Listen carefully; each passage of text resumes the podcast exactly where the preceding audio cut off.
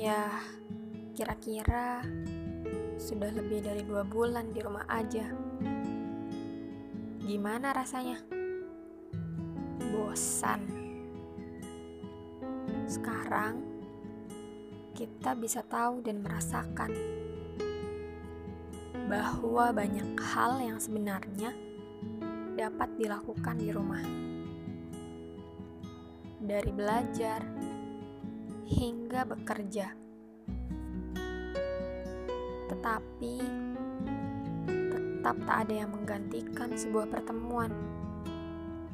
Bertatap muka, melihat langsung keadaan orang-orang yang disayang tanpa terbatas layar. Tak ada yang menggantikan sebuah pelukan. Dengannya, hati menjadi lega tak terkira. Tak ada yang menggantikan sebuah perbincangan. Suara-suara hangat serta aliran emosi yang dirasa. Tanpa terbatas pesan-pesan dengan tebak nada bicara. Betapa nikmatnya sebuah pertemuan. Kita selalu terlambat dalam mensyukuri